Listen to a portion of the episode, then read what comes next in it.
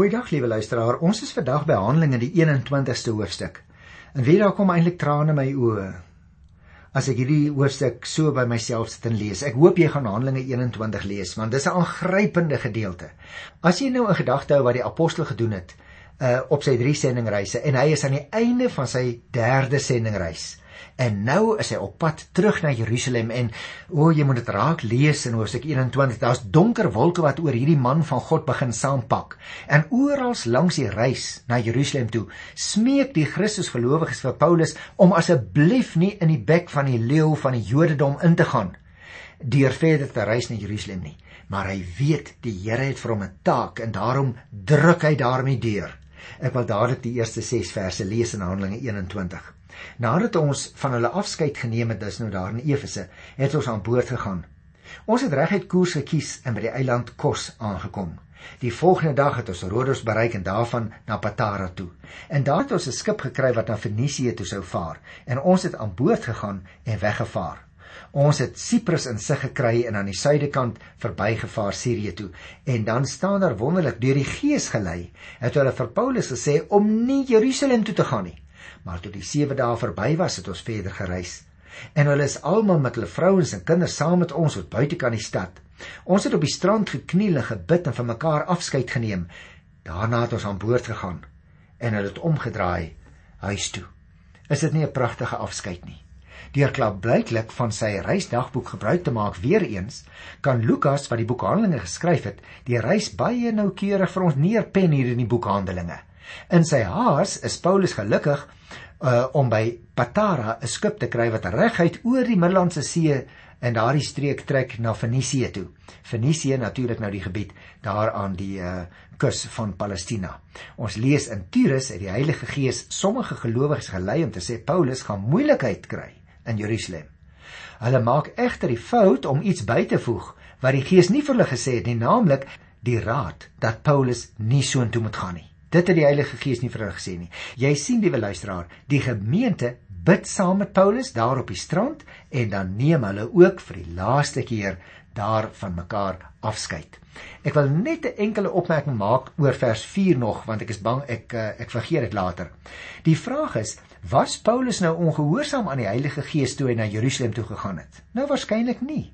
Ons kan eerder aanvaar liewe luisteraars dat die Heilige Gees hierdie gelowiges gewaarsku het dat Paulus in Jerusalem sou moes lê.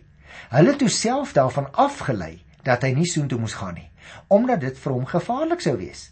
En hierdie verklaring word ook deur uh, vers 10 tot 11 bevestig. Ek gaan nou nou daarby kom. Daar sien ons naamlik dat die gelowiges hom smeek om terug te draai nadat hulle gehoor het dat hy deur die Romeine gevange geneem sou word. Luister na vers 7 tot 9. Van Tyrus af het ons die seereis voortgesit na Ptolemais toe. Daar het ons die gelowiges gegroet en 'n dag by hulle gebly. Die volgende dag het ons vertrek na Caesarea. Ons het die evangelis Filippus, een van die sewe, opgesoek en by hom tuis gegaan. Hy het vier ongetroude dogters gehad wat die gawe besit het om te profeteer. Ah, en hier gaan ons weer daardie bekende Filippus ontmoet. Jy sal onthou daar in Handelinge 8 het ons hom ook gesien en teëgekom toe hy die hofdienaar van Ethiopië tegemoet gestap het wat op sy wa besig was om terug te reis na Afrika toe. Maar hier lees ons nou van Paulus, die reis van Ptolemaios na Caesarea kon natuurlik volgens die beskrywing of per skip of te voet afgelê gewees het. In Caesarea gaan Paulus tuis by Filippus, een van die sewe diakens. Onthou jy hom nog daar? Dit het ons geleer in Handelinge 6, daar by die 5de vers. En die man natuurlik wat Samaria en die kusland geëvangeliseer het, moontlik die rede vir sy eretitel evangelis, soos ons hom nou hier leer ken. Vers 10 tot 14 Handelinge 21. Nadat ons reeds 'n hele paar dae daar was, het daar 'n profeet met die naam Agabus van Judea af by ons aangekom. Hy het na ons toe gekom, Paulus se gordel gevat, sy eie hande en voete daarmee vasgebind en gesê: "So sê die Heilige Gees: Die Jode sal in Jerusalem die eienaar van hierdie gordel net so vasbind en hom aan die heidene uitlewer." Hier kry ons dus 'n baie interessante gedeelte luisteraars van 'n profeet wat uh, kom sê wat daar in die toekoms vir arme Paulus wag. In vers 12 sê dit ons dit hoor het ons en die mense daar vir Paulus gesmeek om nie na Jerusalem toe te gaan nie. Toe antwoord Paulus: "Waarom wil julle my hart sag maak met julle trane? Terwille vir die naam van die Here Jesus is ek bereid om in Jerusalem nie net gevange geneem te word nie, maar selfs ook te sterwe. Toe ons hom nie kon ooreed nie, het ons daar in berusting gesê, laat die wil van die Here geskied. Ag, liewe luisteraar, is dit nie wonderlike wonderlike woorde wat ons hier lees nie. Hierdie Filippus wat ons hier teekom, is natuurlik die man wat daar die hele kusstreek in Palestina geëvangeliseer het. Maar nou is dit vir ons baie belangrik hierdie Agabus, hierdie profeet wat ons hier ontmoet, was dieselfde man was 15 jaar van tevore voorspel het dat daar hongersnood in Jerusalem sou kom. Onthou jy nog, ons het hom teëgekom in Handelinge 11 daar van die 27ste vers af. Sy profesie in hierdie geval is net in die algemeen waar, aangesien dit nie die Jode wat Paulus gevange geneem het ingesluit het nie. En ook interessant, Paulus het geweet dat hy in Jerusalem gevange geneem sou word. Sy vriende het nou by hom gepleit om nie daarheen terug te gaan nie, maar hy het geweet dat hy moes gaan, want God wou hom daar hê. Niemand wil natuurlik graag swaar kry of ly nie, liewe luisteraar, maar vir 'n getroue disipel is dit die heel belangrikste van alles om uiteindelik God in jou lewe te gehoorsaam. Ons begeerte om die Here te dien moet ook groter wees luisteraars as ons vrees vir swaar kry en verleiding. As ons werklik begeer om God se wil te doen, moet ons alles aanvaar wat ons as gevolg daarvan moet verduur. Selfs die swaar krye en die lyding as dit op ons pad sou kom, dan kan ons ook soos Paulus sê, laat die wil van die Here geskied. Hy is dus heeltemal gewillig om dit alles te verduur ter wille van die Here Jesus Christus. Vers 15 vertel vir ons na 'n paar dae het ons ons voorbereidings afgehandel en na Jerusalem toe vertrek. Party van die gelowiges het van Caesarea af saam met ons gegaan. Hulle het ons by Nason gebring en ons oorspronklik van ek herhaal wat oorspronklik van Siprus afkomstig was en wat van vroeg af reeds 'n gelowige was by hom sou ons tuis gaan. Nou ek dink Paulus moes aan die een kant baie bly gewees het want hier sit hy nou vir 'n eerste keer in 'n paar jaar, meer as 2 jaar, sy voet op vaste bodem aan die kus van Palestina in die pragtige hawe stad van Caesarea. 'n Paar van die gelowiges van Caesarea lees ons reis nou saam met Paulus om die probleem van Lusies in Jerusalem vir hom op te los. Die meeste gelowige Jode sou natuurlik vir hom en sy onbesneede metgeselle nie graag in hulle huise wou verwelkom nie. Die man Nason, 'n Griekssprekende Jood van Siprus, is egter gewillig en hy laat hom ook nie afskrik deur die moontlike gevare wat vir hulle voorlê nie. En dan is daar nou 'n volgende opskrif: Paulus besoek vir Jakobus. Nou ja, Paulus was uh, natuurlik baie lief vir Jakobus want Jakobus was juis die leier van die gemeente in Jerusalem. Nou die opskrif is dan ook Paulus besoek vir Jakobus. Luister na vers 17. By ons aankoms in Jerusalem het die broers ons hartlik ontvang. Dis my interessant.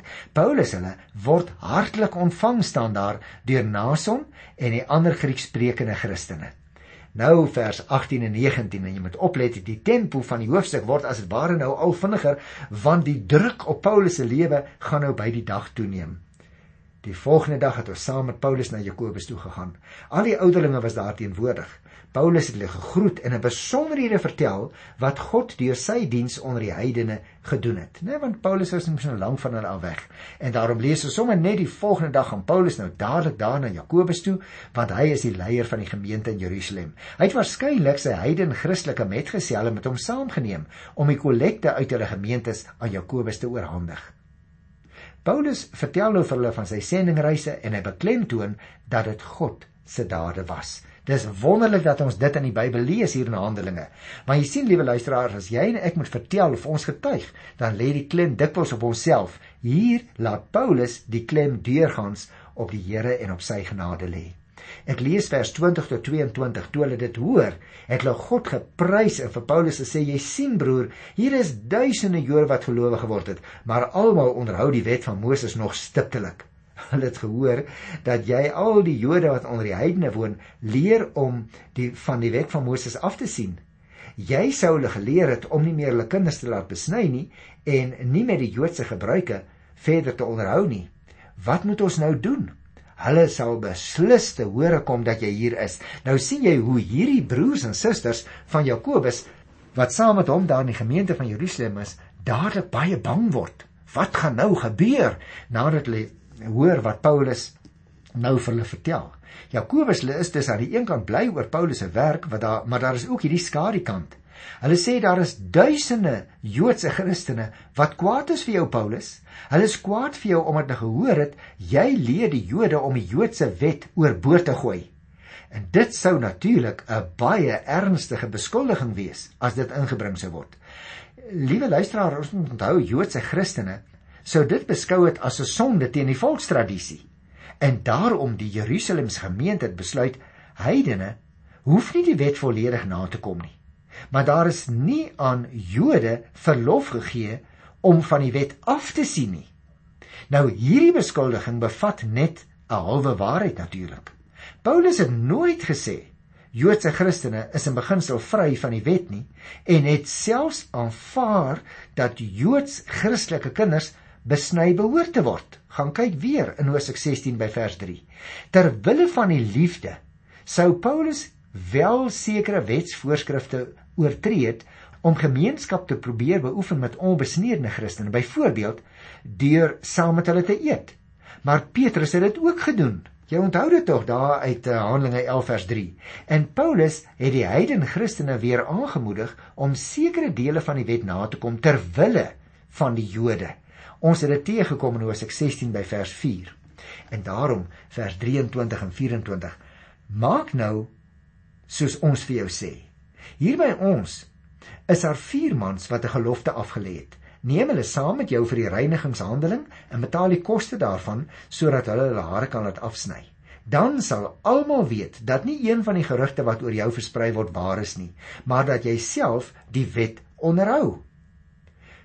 Hierdie ouens sê, hoorie Paulus, ons moet nou 'n plan maak, jong. Vat hierdie ouens wat Nasareërs is, wat 'n gelofte afgelê het saam met jou. Want ons moet onthou, liewe luisteraar, die Joodse wetsyweraars sou nie deur woorde oortuig word nie, net deur dade. En om hulle te probeer oortuig dat hulle beskuldiging teen Paulus vals is, moet Paulus 'n baie belangrike wetshandeling meedoen. Die daad wat nou van hom gevra word, sou nie vir hom 'n probleem gewees het nie, want hy het nog basies die wet onderhou. Paulus het egter nie kon saamstem met die indruk wat Jakobus wil hê dat hy moet wek nie, naamlik dat hy nie die hele wet onderhou het nie. Terwille van die eenheid van die liggaam van Christene het hy egter toegestem. In die lig van die Joodse wette is dit nie heeltemal duidelik watter handeling Paulus presies moes voltrek nie. Waarskynlik moet ons eh, dit so verstaan, lyk dit vir my, dat daar vier Christene was wat 'n tydelike Nasareer gelofte afgelê het. Jy onthou, ons het al daaroor gepraat by Hosea 18 vers 18. Nou hulle gelofte tyd was nou om en hulle kon dit nou beëindig deur hulle hare te, te skeer en sekere offers wat gewoonlik bestaan uit twee lammers en uh partykeer kan dit ook uh ag duwe ingesluit het na die tempel toe te bring. Blykbaar was hulle egter baie arm en nou kon hulle nie hierdie offers bekostig nie. En nou word Paulus gevra om die koste te dra. Jode het natuurlik so iets as besonder vroom beskou want dit sou beteken dat Paulus aan die seremonie wat in die heiligheid van die tempel sou plaasvind deelneem en komende uit die buiteland moes hy nou eers gereinig word. Luisteraars, so 'n reinigingshandeling het 'n hele week geduur want 'n mens is op die 3de en op die 7de dag met reinigingswater besprinkel. Nou op die 7de dag sou Paulus dan eers rein wees en dan sou die seremonie ter beëindiging van die gelofte tyd plaasvind. Ons moet dus baie mooi na hierdie gebeurtenis hier kyk wat as ware so tussenin gedruk word. Want jy sien, Paulus het hom aan die Joodse gebruike en tradisies onderwerp om vrede in die Jerusalemse gemeente te bewaar. Hy was 'n man met baie sterk oortuigings, daaroor hoef ons nie te twyfel nie. Maar hy was ook bereid terselfdertyd om toegewings te maak ten opsigte van minder belangrike dinge. Hy was dus dan ook bereid om vir hulle almal alles te word en sommige te red. Jy onthou hy het later in sy sendbrief dit ook geskryf in 1 Korintiërs 9 vers 19 tot 23. Daar is dikwels verdeeldheid, liewe luisteraars, in die kerk oor baie minder belangrike sake en gebruike. En daarom moet ons ook, net soos Paulus, verstaan as dit by Christelike beginselsake kom. Maar toegewings kan ons wel maak ten opsigte van minder belangrike dinge, juis ter wille van die evangelie. Ons kan natuurlik op twee maniere aan die Ou Testamentiese wet dink, liewe luisteraar. Paulus aanvaar die een en hy verwerp die ander. Ek wil 'n paar aspekte noem in hierdie verband. Nommer 1. Paulus verwerp byvoorbeeld die gedagte dat die Ou Testamentiese wet verlossing bring vir diegene wat dit sou onderhou. Ons verlossing, luisteraars, is 'n gratis en 'n genadige geskenk van God. Die wet speel geen rol in die verlossing nie, behalwe dat dit ons bewus maak van ons sonde en hoe moeilik dit is om die sonde te vermy. Mag ek 'n tweede opmerking maak? Jy moet opmerk Paulus aanvaar die standpunt dat die Ou Testamentiese wette ons bewus maak van hoe nodig ons die genade van God in Christus het. Christus het naamlik die wet vervul en ons met God versoen. Die wet leer ons immers nog baie belangrike beginsels en gee ook vir ons riglyne waarvolgens ons kan lewe. Paulus het nie die wet nagekom sodat hy daardeur verlos kon word nie. Dis baie belangrik. Hy was daaraan gehoorsaam omdat dit vir hom 'n goeie maatstaf was nou ook nadat hy verlos is, veral uit dankbaarheid teenoor God vir sy genade. Die feit dat hy dus die wet onderhou het, het ook verhinder dat hy die Jode aan wie hy die evangelie verkondig het, sou aanstoot gee. Kom ons kyk nou na vers 25 en 26. Ons het tog al vir die gelowiges wat vroeër heidene was laat weet wat ons besluit het dat hulle nie vleis wat na afgod geoffer is en bloed en 'n dier wat verwrig is moet eet nie en dat hulle onsedelikheid moet vermy. Die volgende dag het Paulus die manne geneem en die reinigingshandeling saam met hulle verrig. Hy het toe tempel toe gegaan en kennis gegee op watter dag die reiniging verby sou wees wanneer die offer vir elkeen van hulle gebring sou word. Nou dis interessant dat ons dus hier lees hoe dat Lukas vir ons sê hoe Paulus presies opgetree het, want ten slotte voeg Jakobus nou by dat Paulus nie hoef te vrees vir die vryheid van die heidene Christene nie, want die besluit van hoofstuk 15 sal jy onthou dat hulle net die vier voorskrifte moes onthou, dit staan nog al die tyd vas. En daarom kom ons nou by 'n uh, 'n nuwe klein afdeling in die opskrif daarvan sê hy sien in die Bybel is Paulus word by die tempel gevange geneem. Is dit nie ironies nie? Maar ek dink dit is belangrik dat ons dit nou sal sien, want vir die res van die loop van Paulus geskiedenis is dit van kardinale belang. Vers 27 tot 29 ek lees dit. Toe die 7 dae van die reiniging byna verby was, het Jode van die provinsie Asië vir Paulus by die tempel gesien. Hulle en die hulle die skare aangehits en vir Paulus gegryp. Israeliete kom help, het hulle geskreeu. Hier is die man wat ons volk, die wet van Moses in die tempel oral aanval. Nou het hy boonop nog Grieke in die tempel ingebring en hierdie heilige plek ontheilig. Hulle het dit gesê omdat hulle van tevore vir Trofimus van Efese saam met Paulus in die stad gesien het en gedink het dat Paulus hom in die tempel ingeneem het. Nou luisteraars, Kort voor die einde van Paulus se reinigingsweek breek nou die lang aangekondigde onheil oor hom los. Ons het nou herhaalde kere in die uh, boek Handelinge gelees hoe swaar hy gaan kry en nou gebeur het. Die mense wat nog altyd sy doodsvyande was, naamlik die Jode uit die Griekssprekende wêreld, kry hom nou hier in Jerusalem. Hier gaan dit dus om Jode uit Asië. Dit wil sê Jode uit Efese wat vir die Pinksterfees hier in Jerusalem was. Hulle roep nou om hulp asof alles wat vir hulle heilig is aangeval word. Hulle beweer ook dat die heidene, so sê hulle, in die tempel gebring is. Nou moet ons natuurlik onthou, heidene kon slegs die buitenste voorhof van die tempel betree en as hulle verder gegaan het, het hulle die doodstraf gekry. Paulus het dit egter nie gedoen nie. En sy vyande het geen gronde gehad om so bewering te maak nie behalwe bevooroordeeldheid in hulle eie houding. En daarom, liewe luisteraars, hierdie mense het geweet hoe vrugbaar se werk in die provinsie Asië was, want hulle kom daarvandaan. Hulle wou nou sy werk benadeel deur hom in ongunst te bring by die Jode. Jy en ek moet baie fyn onderskei as jy beskuldiging teen God se werkers wil inbring, hoor. Dit mag wees dat ander mense hulle werk in die wiele probeer ry uit onkunde en dalk selfs vooroordeel. Ek wil vir jou vra. Bid jy altyd vir die mense wat voltyds in die diens van die Here staan? Tree jy vir hulle in? Bemoedig jy hulle as jy hulle teekom? Want hier kry ons mense wat die werk van die Here geweldig bemoeilik. Kom ek lees nou van vers 30 af. Die hele stad het in beroering gekom. Die mense het saamgedrom, vir Paulus gegryp en hom uit die tempel uitgesleep. Die deure is dadelik agter hulle toegesluit. Die mense wou hom net doodmaak. 'n Boodskap is toe na die kommandant van die Romeinse garnisoen toe gestuur dat die hele Jerusalem in oproer was. Hy het onmiddellik met soldate en offisiere na die oproer toe gehardloop. Toe die skare die kommandant en sy soldate sien, het hulle opgehou om vir Paulus te slaan. Die kommandant het na Paulus toe gegaan, hom gevange geneem, beveel dat hy met twee kettinge geboei moet word. Daarna het hy probeer vasstel wie die man is en wat hy gedoen het. Jy sien hier is 'n geweldige tumult, 'n oproer, 'n deurmekaar spil in Jerusalem op hierdie stadium. Want oor wat vir eh, wat vir hulle heilig was, het die Jode gou-gou in oproer gekom, hoor. En nou gebeur dit ook hier. Die woedende massa sleep nou vir Paulus uit die binneste uh, tempelhof en hulle uh, kry die tempelpolisie en die sluit hom toe. Dit het vir hulle weinig geskeel of Paulus sy lewe verloor.